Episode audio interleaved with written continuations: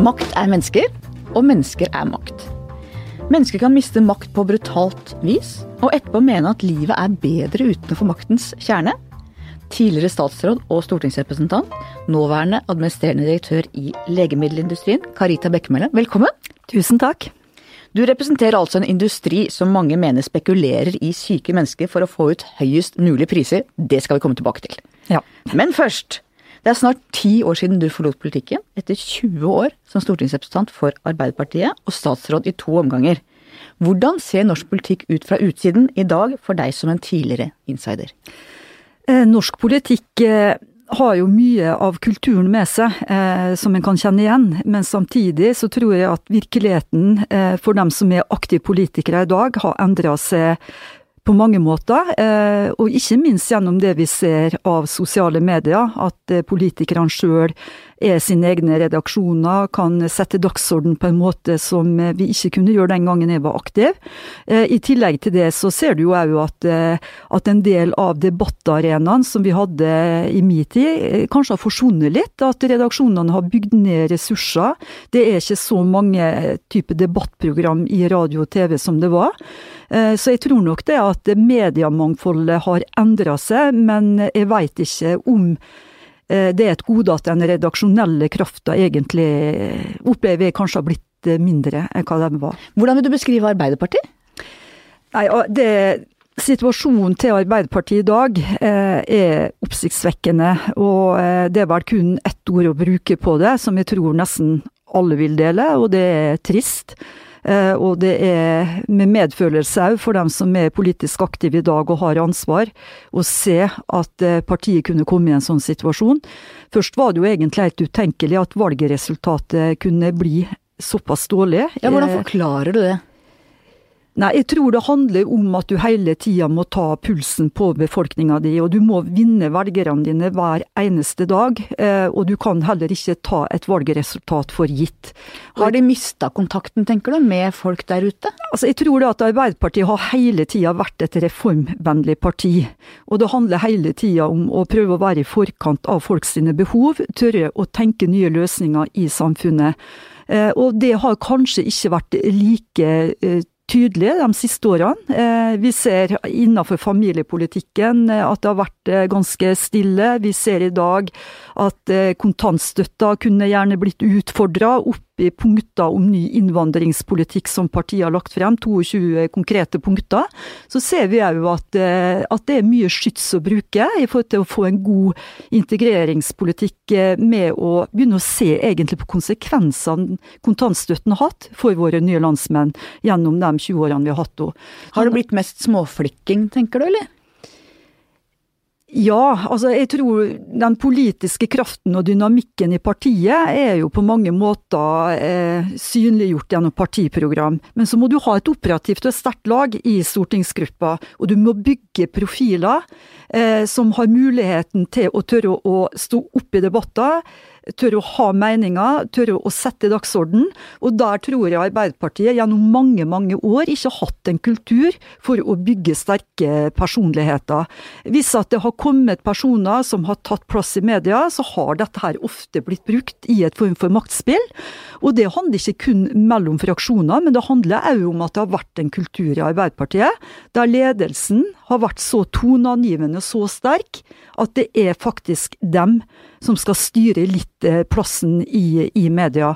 Enda mer sentralstyrt Arbeiderpartiet enn det har vært før. Arbeiderpartiet har alltid vært et sentralstyrt parti, men du mener at det har forsterket seg? Nei, ikke nødvendigvis, men jeg tror at den kulturen har ligget der sterkt. Og vi ser jo det at Jonas har sluppet til som partileder flere av de dyktige unge representantene. Eh, sånn at det er mange eksempel på det, men allikevel, hvis du skal se på hvordan kan du bredde partiet, Eh, og klarer å sette en langt større dagsorden enn det partiet har gjort frem til nå, så tror jeg at du må ha en litt mer offensiv holdning til å bygge ulike profiler. Og det har Arbeiderpartiet et grunnlag til, men du må faktisk tillate det. Er dette arven etter Jens Stoltenberg? Eh, man snakker jo om forskjellen på Eika og Bjørka. Eika den kaster masse skygge og er stor og massiv, men det spirer og gror ingenting under. Mens bjørka kan være stor og flott, men sola kommer gjennom bladene, og da vokser det mye. Mm. Eh, har Jens Stoltenberg egentlig vært eika som leder i Arbeiderpartiet? Du, du kan si at eh, Jens han kom jo i en helt uh, unik posisjon i befolkninga og blant journalister.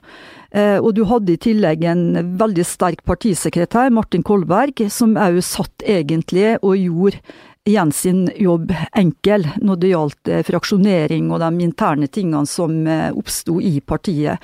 Martin kjente jo partiorganisasjonen ut og inn, hadde et nettverk som var helt, helt eh, eminent på alle måter. Kunne han navnet på alle de titusende medlemmene, tror du? Det tror jeg nesten han gjorde. og det er, altså Han har jo vært i hver krik og krok i hele landet, og vært veldig ydmyk òg overfor de vanlige sliterne i partiorganisasjonen. Og det gjør òg at Martin har hatt en vanvittig autoritet, blitt lytta til, og òg kanskje gjort at Jens kunne få lov til å slappe av i forhold til en mer en del av de personalpolitiske dilemmaene, konfliktene som òg oppstår i et politisk parti. Mens Martin da kunne ordne litt mer opp på kammerset på en del av de tingene. Så jeg tror da at eh, at i den situasjonen partiet var i den gangen, så var det normalt å gjøre det. Og det var heller ikke noe kultur for å begynne å ta tak i ukulturer, som f.eks. var i partiet i stortingsgruppa. Eh, og dette her får jo snakker du om maktkamp ja, og bakvaskelse ja, og den type ja, ting? Ja, maktkamper vil det være i politikken. og og det er klart at her handler det om, ikke kun om politisk retning innenfor et parti, men en ser jo det at det som ofte skaper mest engasjement, det er jo nok å se på nominasjonsmøtene kontra møtene der du skal vedta et partiprogram. Så kommer det jo flere partimedlemmer på et nominasjonsmøte enn når du skal eh, fatte beslutninger om framtidig politikk. Så jeg tror på mange måter at dette her er, ligger i den politiske sjela, at slik er det på mange måter. Og det gjør jo òg at Politikken har veldig mange positive sider, med idealisme, med at du ønsker å forbedre samfunnet. Men samtidig så får du òg kanskje fram noe av det verste i oss. Dette her med at maktkampen, det at du kjenner på at du har muligheten til å utøve meninga di, hvis at du kommer i gitte situasjoner, så vil du kanskje strekke det langt for å klare det. Så jeg tror at psykologien i det er ganske naturlig, når du har vært på mange måter forma i et sånt system over mange år. Eh, så jeg tror òg at vi må kanskje ufarliggjøre litt det med å søke makt, for det handler jo om ledelse. Det handler jo om at jeg vil overbevise det, om at mine meninger er de riktige. Og da kan du ikke sitte på stortingskontoret ditt og ikke mene. Men hvis vi ser, går tilbake til Jens Stoltenberg og hans ledertid, det er jo en hel generasjon som er borte. Det er vel omtrent bare Trond Giske og Anniken Huitfeldt igjen av din generasjon. Eh, veldig mange har forsvunnet ut. Eh, og det betyr også at når Arbeiderpartiet, hvis de får makt igjen ved neste stortingsvalg, da har de i så fall vært åtte år ute av regjeringskontorene. Det har knapt skjedd. Da er det veldig få igjen med regjeringserfaring, og veldig få igjen i den altså de voksengruppa, da. Eh, hva tenker du om det? Tror at det vil jo være en naturlig avgang for den som har vært aktiv eh, i flere tiår, at du finner et liv utenom politikken. Men jeg tror det at eh, mye av det som skjedde, eh, var jo òg en konsekvens av en lederstrid mellom Torbjørn og Jens. Torbjørn og Jens? Ja.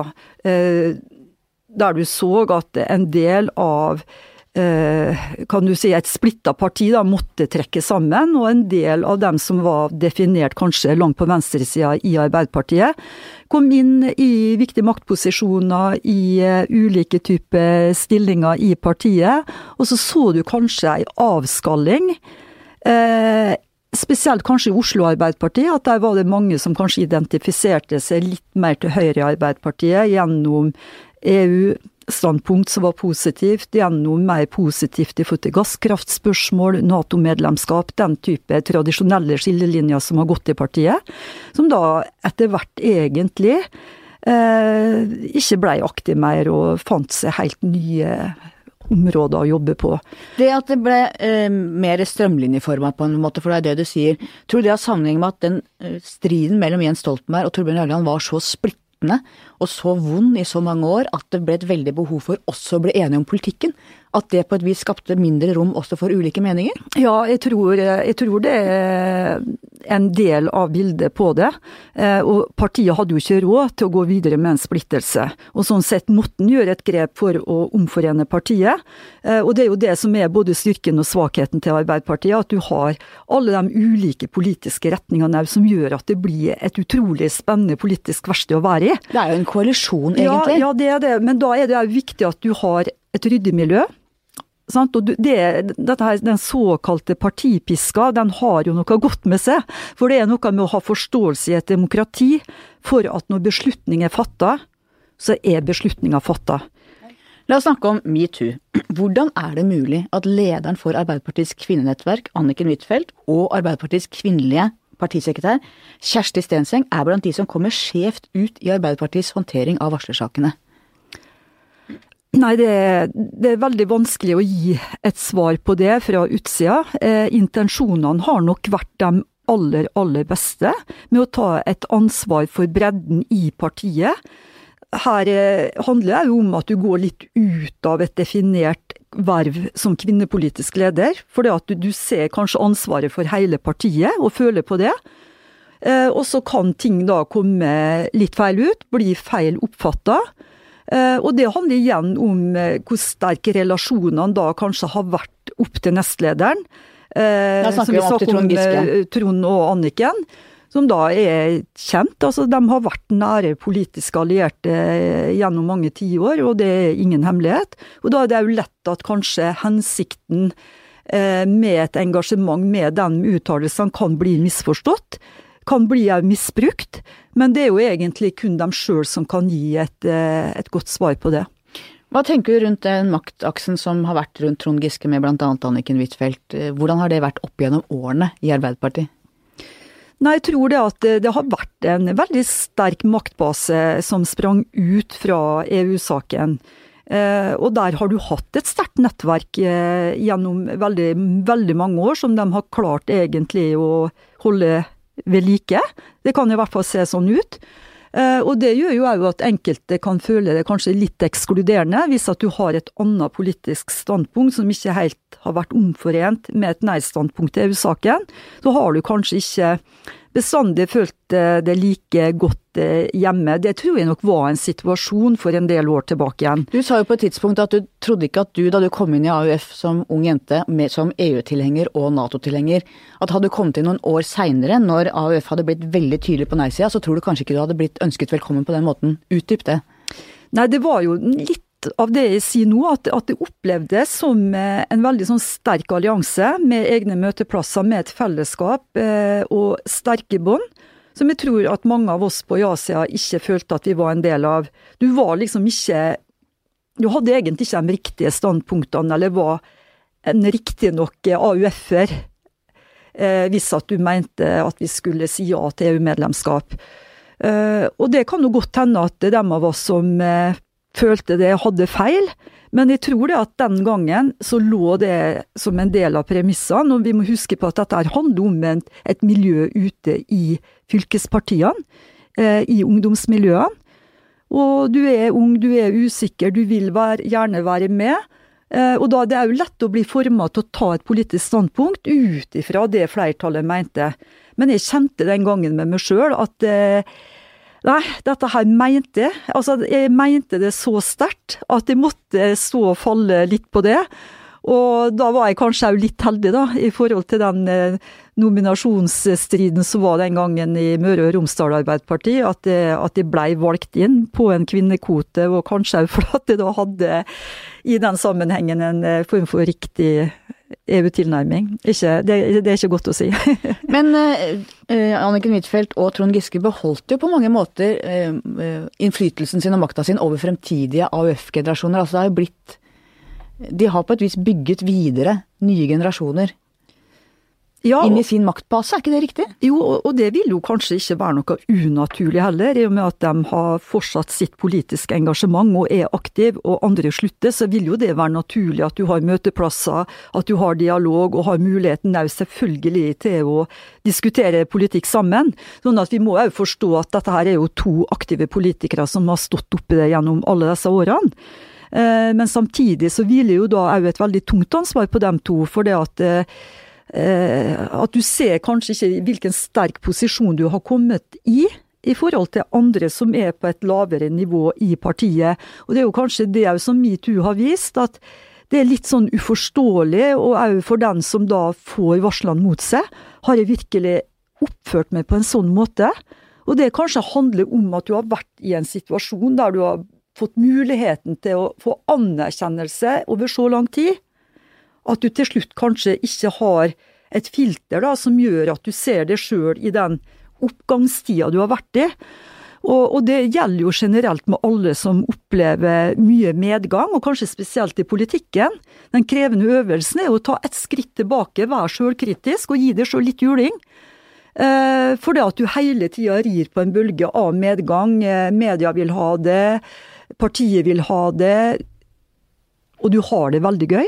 Det sies jo at den Gud ønsker å knuse, overhilser han først med suksess. Ja, det, og det sier jo òg mange at pass passer for journalistene, for hvis du får for mye gode mediasaker, så er det bare et tidsspørsmål før de er ute etter å ta det. Men jeg tror vi skal velge at det er en form for rettferdighet i systemet, og jeg tror at vi Ja, det, det er vanskelig egentlig å gi et godt, et godt, svar på det du spør om der. Jeg tror det at det er ulike mekanismer i kulturen, rett og slett, som har fått lov til å gjøre at du har kommet i en sånn situasjon, og ikke nødvendigvis vond vilje, men at du har en sammenblanding av mange ulike generasjoner som blir satt sammen.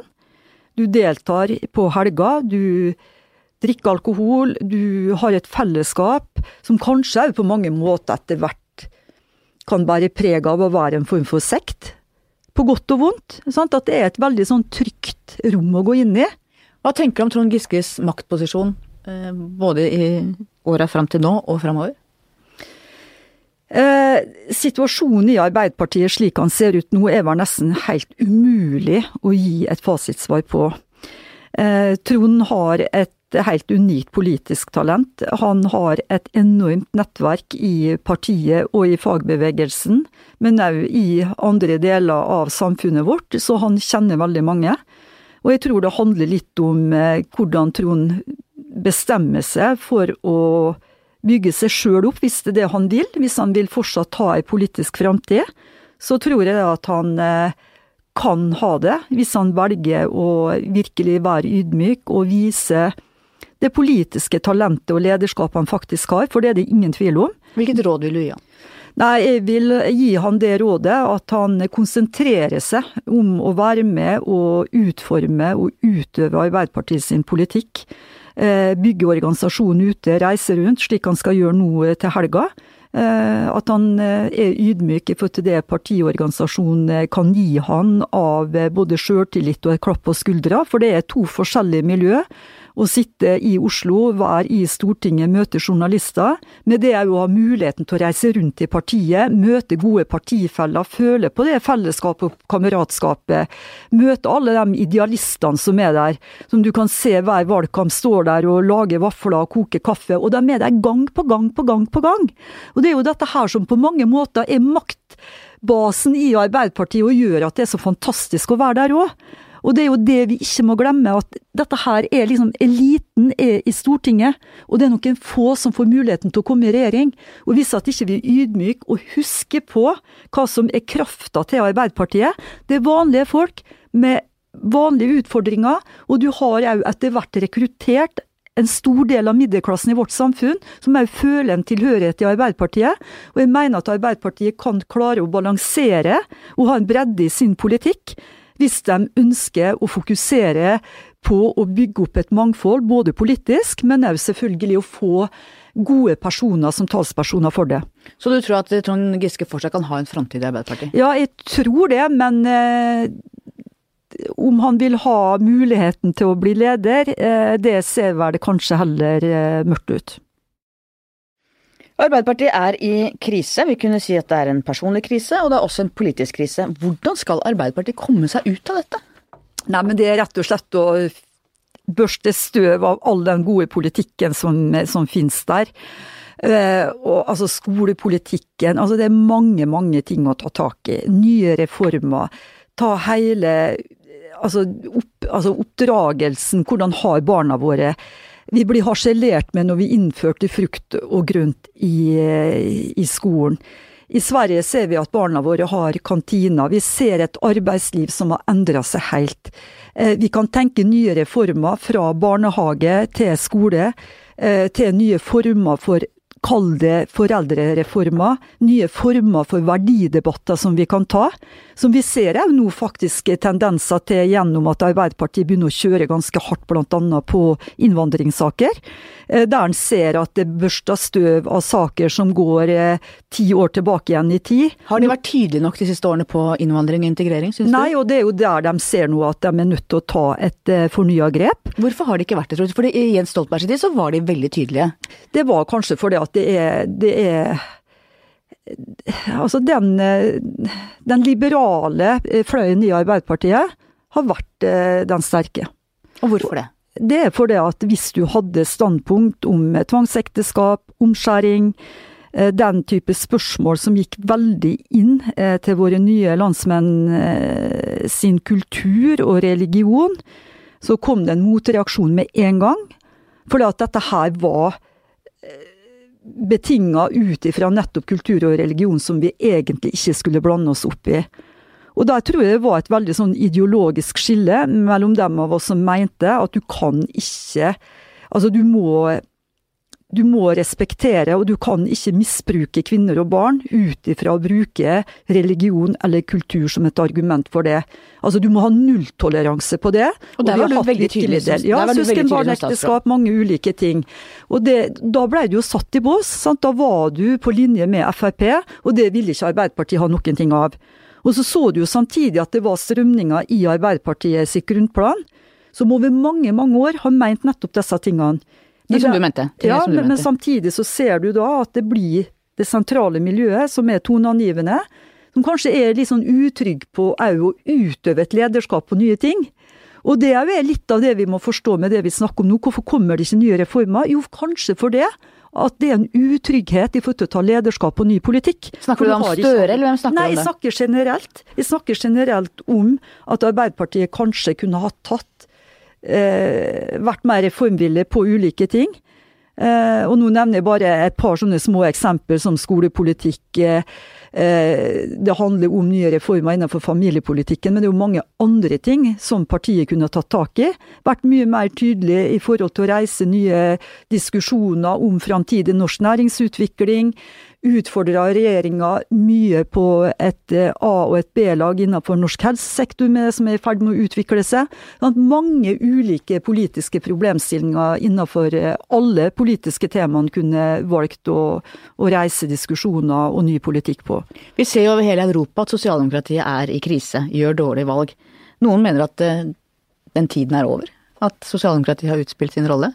Jeg tipper du vil si nei, nei, nei. Nei, nei jeg tror jo det at, at, det som ligger av ideologi og holdninger i sosialdemokratiet, vil være viktige verdier å ta vare på. Ikke minst innenfor arbeidstakerspørsmål, rettigheter i forhold til, til din arbeidsgiver, arbeidsmiljølov, den type ting. Så tror jeg at vi vil oppleve et stadig sterkere press på effektivisering, på å presse de ansatte, som gjør det at Arbeiderpartiet har gullkanta muligheter til å være trygghetsbæreren for et ordentlig, redelig arbeidsliv. Vi har i dag nye generasjoner som skal ut på arbeidsmarkedet, som kanskje ikke har muligheten til å ta opp boliglån.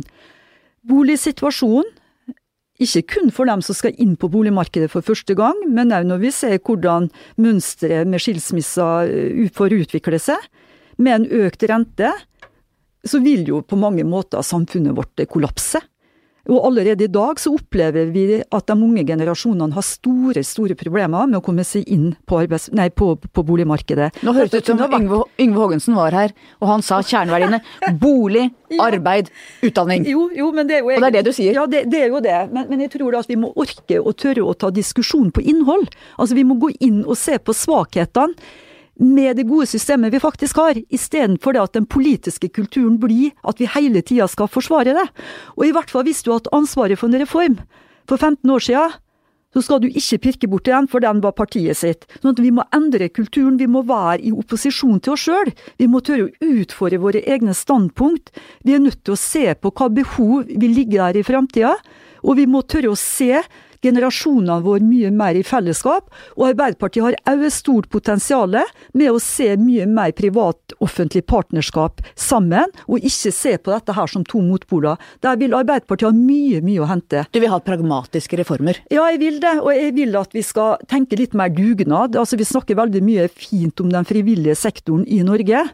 Men vi glemmer òg at vi har faktisk en fantastisk privat sektor, og det er jo det jeg har fått muligheten til å fått mye mer innsyn i nå.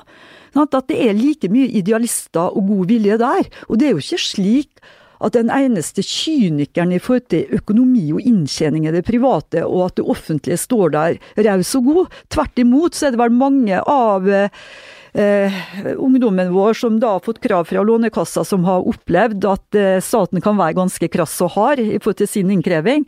Bare for å gi et lite, lite bilde på det, så jeg tror da at her er det balanse egentlig på og at fordelinga er ganske likelig fordelt. Du kom inn i politikken som ung jente, og ganske så overraskende, som vi snakka om i stad, ble du eh, valgt inn på sikker plass fra Møre og Romsdal Arbeiderpartiet i 1989. Hva hadde du gjort i dag hvis det ikke hadde skjedd? Nei, det har jeg tenkt på mange ganger sjøl òg. Eh, jeg hadde nok håpet at jeg kanskje hadde vært advokat. Eller så hadde jeg nok kanskje jobba fortsatt på fylkesarbeidskontoret i Møre og Romsdal. Hvem veit? Og du har en klassisk arbeiderklassebakgrunn. Faren din var skytebas, moren din var eh, kjøkkensjef. Fortell om oppveksten din. Nei, Oppveksten min var jo prega av mye flytting og ganske sånn eh, turbulent. Eh, det, det var den absolutt. Sånn at jeg opplevde jo på mange måter en oppvekst som jeg fikk et politisk ansvar for seinere, gjennom å være barne- og familieminister og likestillingsminister. Og jeg tror nok at jeg tok med meg veldig mye av de erfaringene jeg hadde. Og òg hvordan kvinnelivet kunne være, eh, med å ha omsorg for flere barn alene. Eh, og òg dette her med at eh, uansett hvor tung skjebnene kan være i et parforhold, så er det òg slik at barn har et savn og ofte ønsker å ha kontakt med begge foreldrene sine. Så jeg tenkte på det mange ganger i departementet at det var nesten helt utrolig at det skulle ende opp her. og jeg tenkte på det mange ganger at du må ha ydmykhet i forhold til alle de skjebnene som er der. Så jeg tror kanskje jeg har tatt med meg det i mitt politiske liv, og tenker nok fortsatt på det i jobben min i dag òg. Fortell om faren din. Nei, faren min han var jo en litt sjelden blomst, eh, og han fikk jo ikke så mye kontakt med som jeg hadde ønska. Og han døde på en litt eh, dramatisk måte, og uten at vi egentlig fikk eh, tatt helt eh, farvel med han. Eh, som vi da egentlig skulle. Vi skulle opp og besøke han, og vi kom aldri dit før eh, eh, han døde. Så han var en eh, utrolig fargerik eh, person. Eh, han hadde veldig mye med seg, var veldig sjarmerende. Han var veldig flink å fortelle. Han var nok en liten sånn eventyrer på sin måte. Og så ble han prega av en skjebne som gjorde at han fikk problemer med annet alkohol, og, og sleit med angst og nerver. Og det blei litt hans sin skjebne. Og det er derfor det er så viktig å tenke litt på dette her med barndom og oppvekst. Hvordan, hvordan kan livet bli? Hvis vi kunne ha tatt vare på flere som opplever vanskelige situasjoner når de er små. Ja, for han opplevde et veldig drama da han var ung mann. Ja, og det skrev jeg litt eh, om i boka. Jeg ønsker ikke å gå mer inn på det, for det er en sår situasjon eh, for hele familien vår. Så jeg har vært eh, veldig klar på i intervjusituasjonen å ikke gå mer inn på det i ettertid. Moren din, hva slags type var hun? Nei, hun var ei sånn eh, arbeidsjern. Eh, hun lever jo ennå, av dimensjoner. Så eh, hun var sånn som kunne lage tre forskjellige middager til oss. og hun eh, smørte på brødskiva uansett hvor tid det var på døgnet, og kom du hjem eh, seint fra staden, så var det bestandig grove brødskiver med banan eller stekt skive med brunost, og det sto aldri på. Det var bestandig rent, det var bestandig ordentlig med klær. Hun hadde òg veldig glede av å sy klær, og jeg fikk nok litt interessen for kjoler der gjennom henne, så hun, eh, hun, var veldig opptatt av at, at vi skulle ha det bra. Så hun har nok vært eh, Jeg tror hun er det mest arbeidsomme mennesket jeg har møtt i hele mitt liv. Så hun har eh, Ja, det, hun har stått på til barna sitt beste i alle år. Og eh, er i dag på en eldreinstitusjon i Molde og er litt plaga av sykdom nå.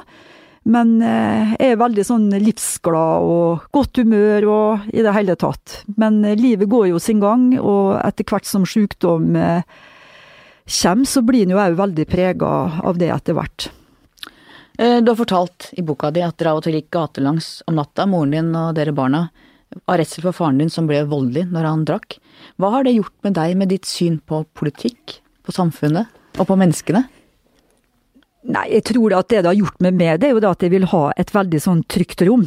Altså at det er veldig sånn A4. At det beste du kan gi meg, det er jo trygge rammer på mange måter. Og så finner jeg nok litt sånn spenning i mer sånn idrettsting. At jeg liker jo å kjenne adrenalin og får veldig sånn kick av å utfordre meg sjøl. Men sånn privat så er jeg veldig trygghetssøkende. Jeg vil ha det stille og rolig. Jeg vil ikke ha noe bråk. Eh, og da har jeg det godt, da er fornøyd. Og i politikken så tror jeg det handler litt mer om eh, at jeg veit at uansett hvem du møter på din vei, så er det skjebner der. Det uansett hvilken stilling, hvilken posisjon du er, så er det skjebner der. Å ha litt sånn ydmykhet for det, og møte folk på de premissene som jeg føler folk kanskje fortjener å lytte, det tror jeg har vært viktig for meg så tror jeg på dette her med å være snill. Jeg tror det at når du ikke veit hvordan folk har det, og tenker i hvert fall som leder i dag, når du går ut døra di fra jobb, så vil jeg at du skal ha en god følelse. At ikke du skal være stressa, ha en klump i magen. For jeg veit ikke hva en medarbeider kan oppleve når han kommer hjem. Så da tenker jeg som leder at da må jeg i hvert fall prøve å gjøre det jeg kan, for å ha rammer som gjør at vedkommende i hvert fall skal føle trygghet til å kunne ha det godt på jobb og føle en trygghet på det. Så jeg har liksom prøvd å tatt med meg de små tingene eh, i hverdagssituasjonene mine. Jeg vet ikke om jeg klarer det bestandig, men jeg, jeg tror da at jeg bærer med meg den arven, og at det faktisk har gjort meg mer godt enn vondt. Kanskje kan jeg si det i dag. Klokere? Klokere, kanskje. ja. Hvem av foreldrene dine ligner du mest på? Nei, jeg tror nok at det er en salig blanding. Mor mi pleier å si 'Karita, du er jo lik meg, du', eh, men jeg tror far min ville ha sagt at eh, jeg har mye av han òg, så det er vel en eh, god kombinasjon, får jeg håpe.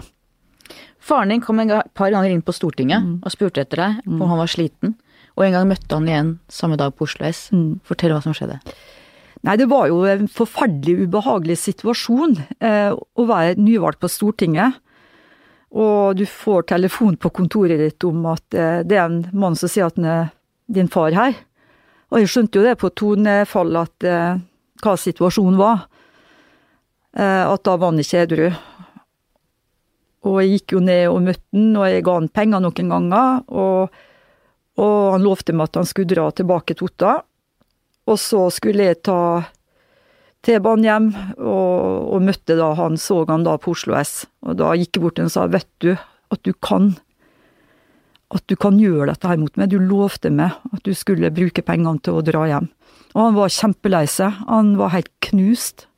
At jeg tilfeldigvis da gikk på han og så at han ikke hadde dratt hjem. Så det var jo på mange måter både skuffelse, sinne, men òg samtidig kjærlighet. For at du så jo at det som var pappaen din, som du var kjempeglad i, han var jo rett og slett sjuk. Sånn at det er jo en kombinasjon av veldig mange følelser.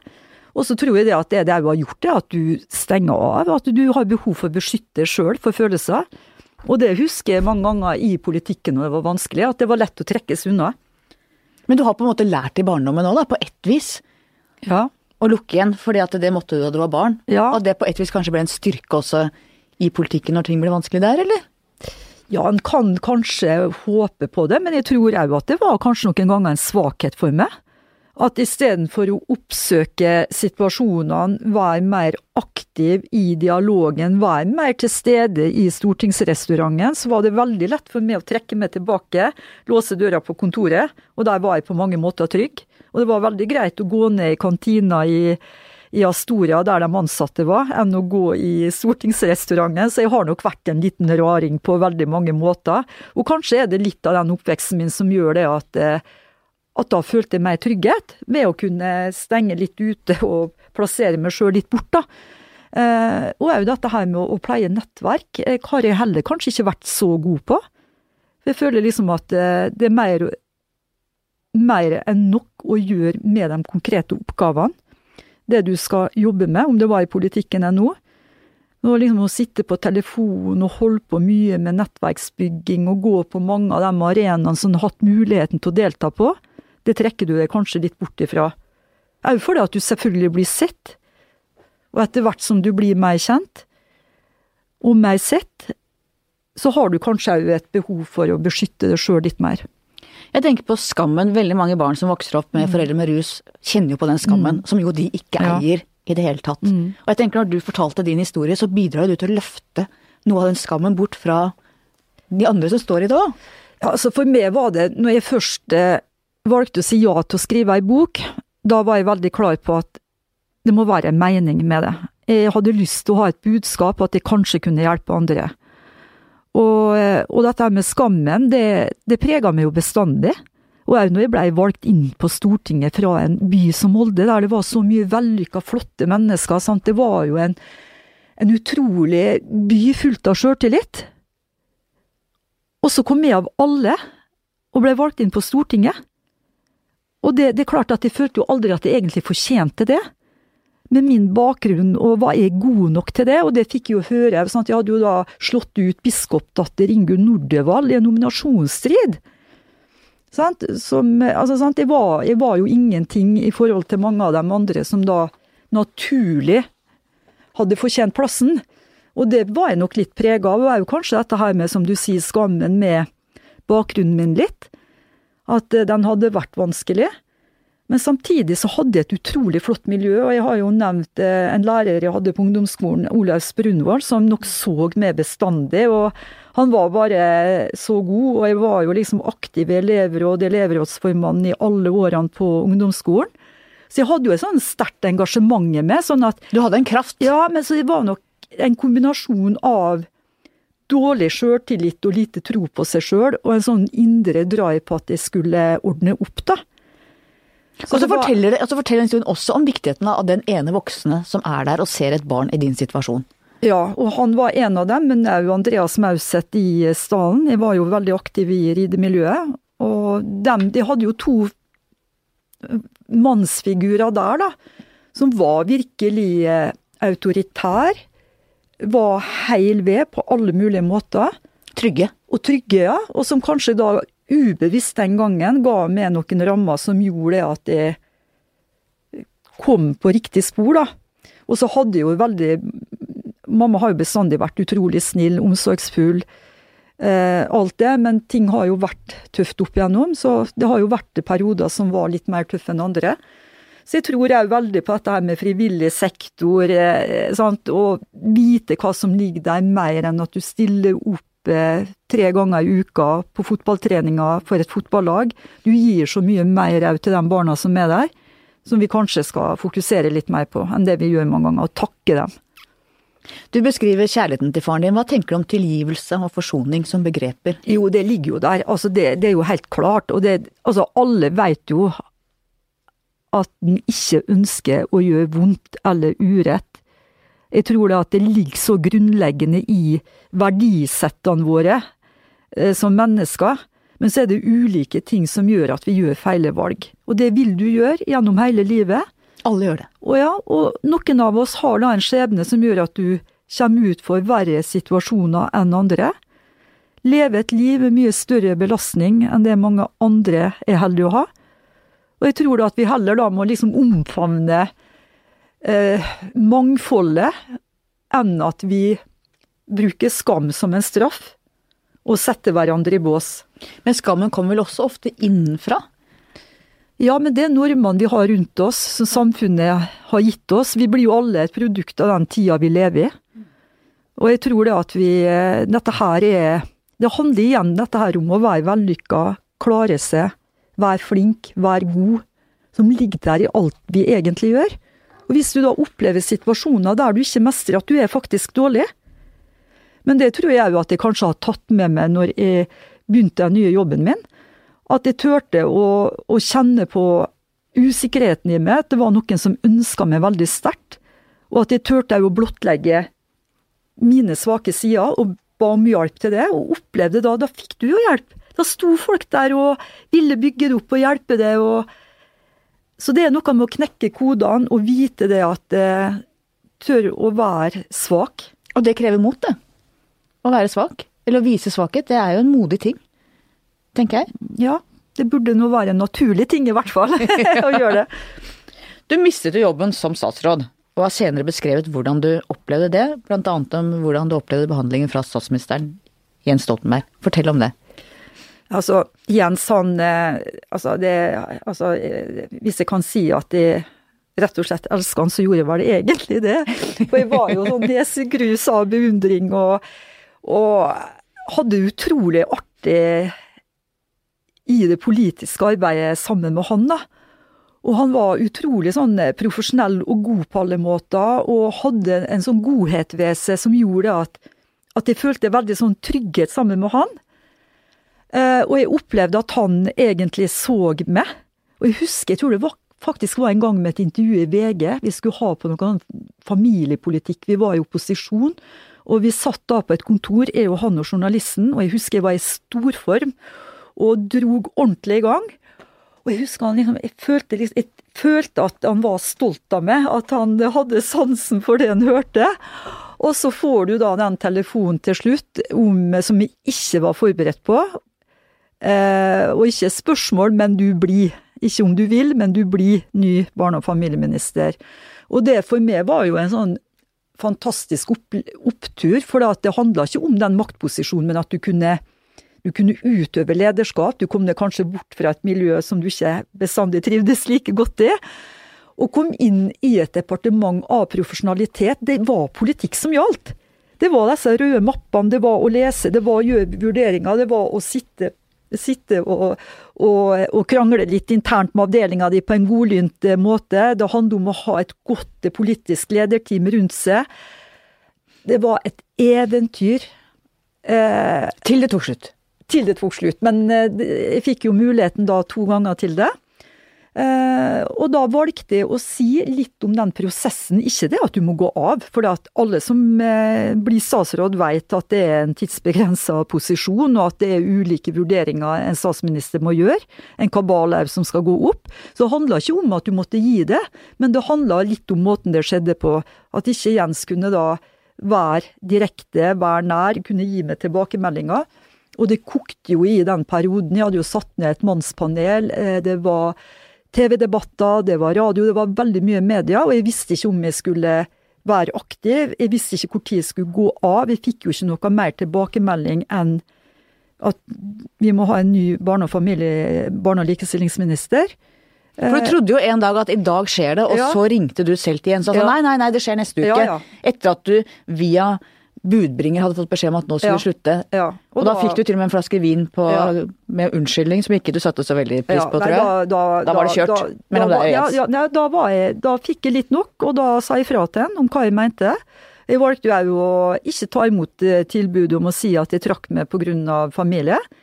For jeg følte at eh, jeg elska dette her. Jeg var brennende engasjert. Jeg hadde mange politiske babyer som jeg hadde lyst skulle bli store og sterke. Og jeg fant ut det at eh, jeg kan se folk i øynene eh, og gå ut den døra uten å lyge. Og det var jo òg en veldig spesiell opplevelse. Og jeg tror faktisk òg at det var VG dagen etterpå. Det kokte jo av media. Og jeg hadde jo da hatt to uker på meg før jeg gikk av. Før jeg fikk beskjeden. Og da hadde jeg bestemt meg for at jeg gir meg norsk politikk.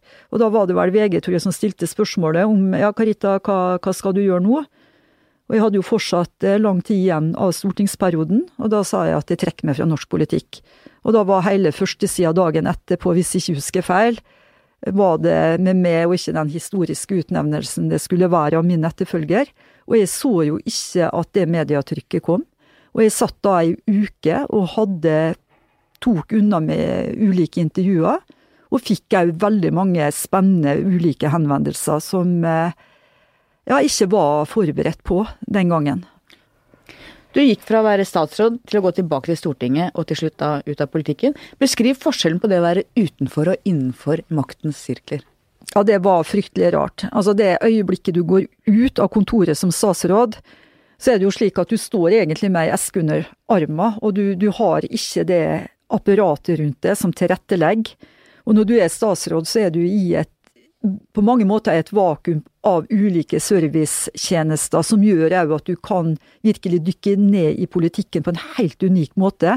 Sånn at du blir best, for at du holder på med dette her hele tida, og det er utrolig givende. Og så går du da ut den døra og opplever at situasjonen blir helt annerledes. Og at du ikke får utøve på mange måter engasjementet ditt, krafta di, lederskapet ditt, det du har vært vant til. Og så er det jo òg på det personlige plan, da. At eh, du merker jo endringer på folk som da er veldig opptatt av personer i maktposisjoner. Og, og, det er jo litt fascinerende da å se hvordan da folk plutselig fra en dag til en annen endrer seg helt. Hvordan da? Nei, det er rett og slett at du opplever på Du er ikke like interessant lenger. Så du merker hvem som er ordentlige venner, og hvem som ja, det, det er gjør du. situasjonsbestemte? Ja.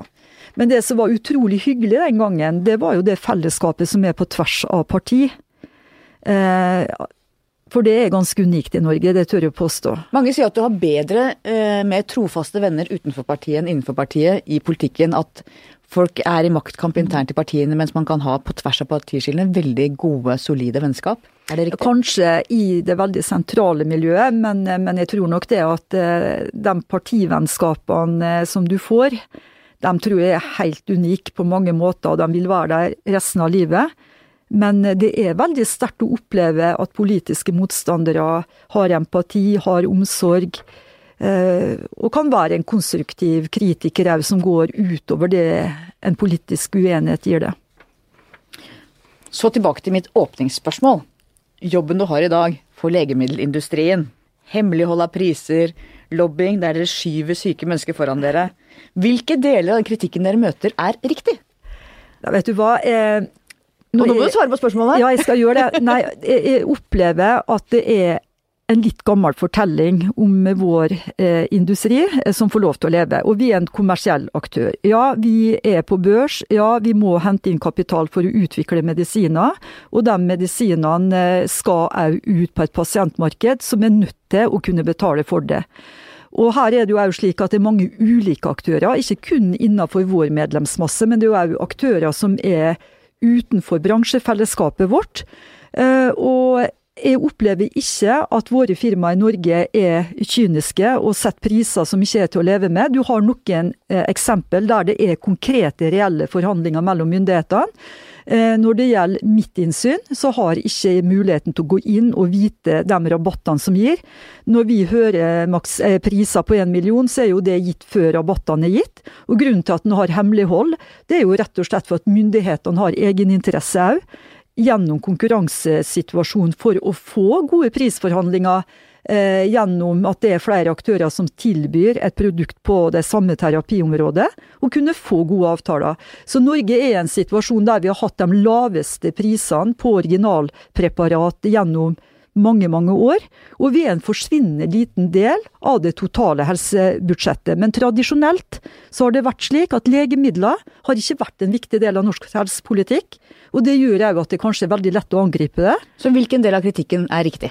Nei, jeg føler ikke at det er Altså, jeg, jeg kan se at myndighetene noen ganger opplever at når det kommer et nytt innovativt legemiddel, at prisen kan være høy. Det kan like godt da handle om at det verktøyet myndighetene har i dag for å beregne verdien på det nye legemiddelet, ikke er riktig. Og det handler om kostnadene du har ved den behandlinga du fortsatt må ha. Det handler om tapt arbeidsfortjeneste. Det handler òg om den belastninga familien din har ved å kunne gi deg omsorg eh, i en tøff sykdomsperiode. Så jeg tror det bildet er mye mer nyansert enn at den ene sida har rett og den andre sida har feil. Her vil det være nyanser. Av og til har myndighetene et veldig kynisk løp i forhold til økonomi, og av og til så vil det selvfølgelig være slik at enkeltfirma av oss kjører tøft i forhold til å få et prisnivå som de mener da er forsvarlig. Teknologiens muligheter. CRISPR, som er en metode for å trikse med genene våre. Hva tenker du om hele den utviklingen? Nei, vet du hva. Jeg er egentlig veldig liberal, kjenner jeg, når det handler om nye muligheter, òg når det gjelder det medisinske feltet. Jeg tror vi står foran uante muligheter av eh, ny teknologi, ny form for diagnostikk, mer gentesting. Vi får mye mer individtilpassa behandling òg, som gjør at myndighetene kan gjøre helt andre kostnadseffektive analyser enn dem vi gjør i dag. I dag er vi jo vant til å behandle eh, befolkninga vår innenfor et kreftområde på lik måte. Selv om vi vet at det er mange som ikke kanskje får effekt av den behandlinga. Det nye vil jo være at vi skiller. For er jo du brystkreft, så skal du ha den behandlinga, jeg skal kanskje ikke ha den. Og det har du muligheten til å finmaske på en helt annen måte. Og det vil jo òg gjøre at samfunnet vil kunne spare midler på det. Sånn at eh, jeg ser veldig positivt på framtida. Jeg tror det er kjempespennende. Og vi ser jo annet at vi blir stadig flere eldre. Heldigvis. Men det gjør jo òg at sykdomsbyrden i samfunnet vårt blir stadig økende. Det blir dyrt. Det blir dyrt, og vi skal samtidig stå lenger i arbeid, helt til vi er 75 år, eh, ønsker jeg Nord-sjefen. Og det gjør jo òg at eh, myndighetene, tror jeg, vil komme til legemiddelindustrien og andre innenfor det, eh, det helsemedisinske feltet og spørre etter nye innovative løsninger. For hvis ikke vil det ikke være bærekraft i samfunnet. Så vi er nødt til å behandle flere, vi er nødt til å satse mye mer på forebygging for å klare å få en riktig framtidig arbeidsmarked og finanspolitikk. Så jeg mener jo at eh, legemiddelpolitikken er en viktig del av den framtidige norske finanspolitikken og arbeidsmarkedspolitikken. Så det er bare å satse på oss. Dette er ikke overrasket av at du sier. ja, men det mener jeg. det vi snakker om nå handler jo egentlig om verdier. Mm. Hva tenker du om de tilløpene til verdidebatt som vi så ved inngangen av valgkampen i fjor høst? Ja, hva tenker du på den eh... Hva er norske verdier, hvilke verdier bygger vi på, hva er viktig? Nei, jeg syns jo på mange måter at den eh, debatten eh... Nei, det er vanskelig å sette seg til dommer over det andre definerer som eh, verdier. Hva tenker du er norske verdier som er viktig å beskytte i vårt samfunn? Nei, jeg tenker på eh, dette her med altså for, for, meg så handler det faktisk litt om eh, det som ligger der i den kristne kulturarven med de ti bud. Hvis vi skal ha en liten rette rettesnor i forhold til hvordan vi skal leve livet vårt, så føler jeg at min oppdragelse, min oppvekst, det jeg har fått gjennom skolegangen min, handler veldig mye om ting som går litt rundt de ti bud. Det er mulig at det er veldig gammeldags og konservativt å si det i dag, men for meg så ligger det veldig mye verdier i, i den tilnærminga. Og det handler ikke om at ikke vi skal inkludere våre nye landsmenn, ha respekt for mangfold og religion. Men jeg tror dette her med nestekjærlighet, empati, godhet og forståelse, det må ligge der som bærende element. Så hvis vi klarer å ta vare på det, ha noen enkle grunnsetninger, og ikke minst huske på normal norsk høflighet og folkeskikk Kanskje skal vi gå litt i oss sjøl og se på hvordan agerer vi mot hverandre i hverdagen? Eh, nok om du står på bussen en dag, om du Altså, det er mange sånne hverdagssituasjoner der jeg spør meg sjøl, har vi endra oss? Så kanskje skal vi gå tilbake igjen og se på de gode grunnverdiene i forhold til folkeskikk, eh, som vi kanskje bør børste litt støv av. Og religion, tror du selv på Gud? Ja, jeg tror det, og det handler Altså, jeg tror jeg på det. Ja, hva er svaren på det? Altså, jeg tror det at eh, min barndom og oppvekst, så var jeg veldig vant til å finne trygghet gjennom å ligge med folda hender under dyna og be. ba du Fader vår, eller ba ja, du ja, ja, ja, ja, jeg ba Fader vår, og jeg ba om alt mulig rart. jeg gjorde nok det, hvis jeg skal være ærlig. Ber du fortsatt? Ja, det gjør jeg. Hva ber du om? Nei, det kan være alt mulig. Det kan være for ungene mine at det skal gå bra, og alt mulig sånn helt små hverdagslige ting som er en del av det jeg er oppvokst med, som høres kanskje helt banalt ut, men jeg tror det at vi er så enkle mange ganger at vi må finne trygghet i noen sånne hverdagssituasjoner, da. som vi kan oppleve som vanskelig. Så for meg var dette der en sånn faktor som lå der fra jeg var lita. jeg- Trygghet igjen. Ja, og Ja. det kan ta mange måneder uten at jeg liksom folder hendene. Men jeg, jeg velger kanskje å tro på det, og ikke svikte det jeg gjorde som lita jente, da. Gjennom fortsatt å, å gjøre det. Men jeg hører jo Det det, at det fint, høres da. eh, veldig Nei. rart ut kanskje i dag. Nei, jeg syns det er kjempefint. det var nå et ærlig svar da, Hanne. Ja, jeg syns det var veldig fint. Helt til slutt, hva skal bli historien om deg? Karita Bekkemellem, det var hun som Var snill. Å, det er fint. Tusen takk for at du kom. Tusen takk. Takk til deg som hørte på. Takk til researcher Grete Ruud og vår faste produsent Magne Antonsen. Vi høres igjen om en uke, eller kanskje to. you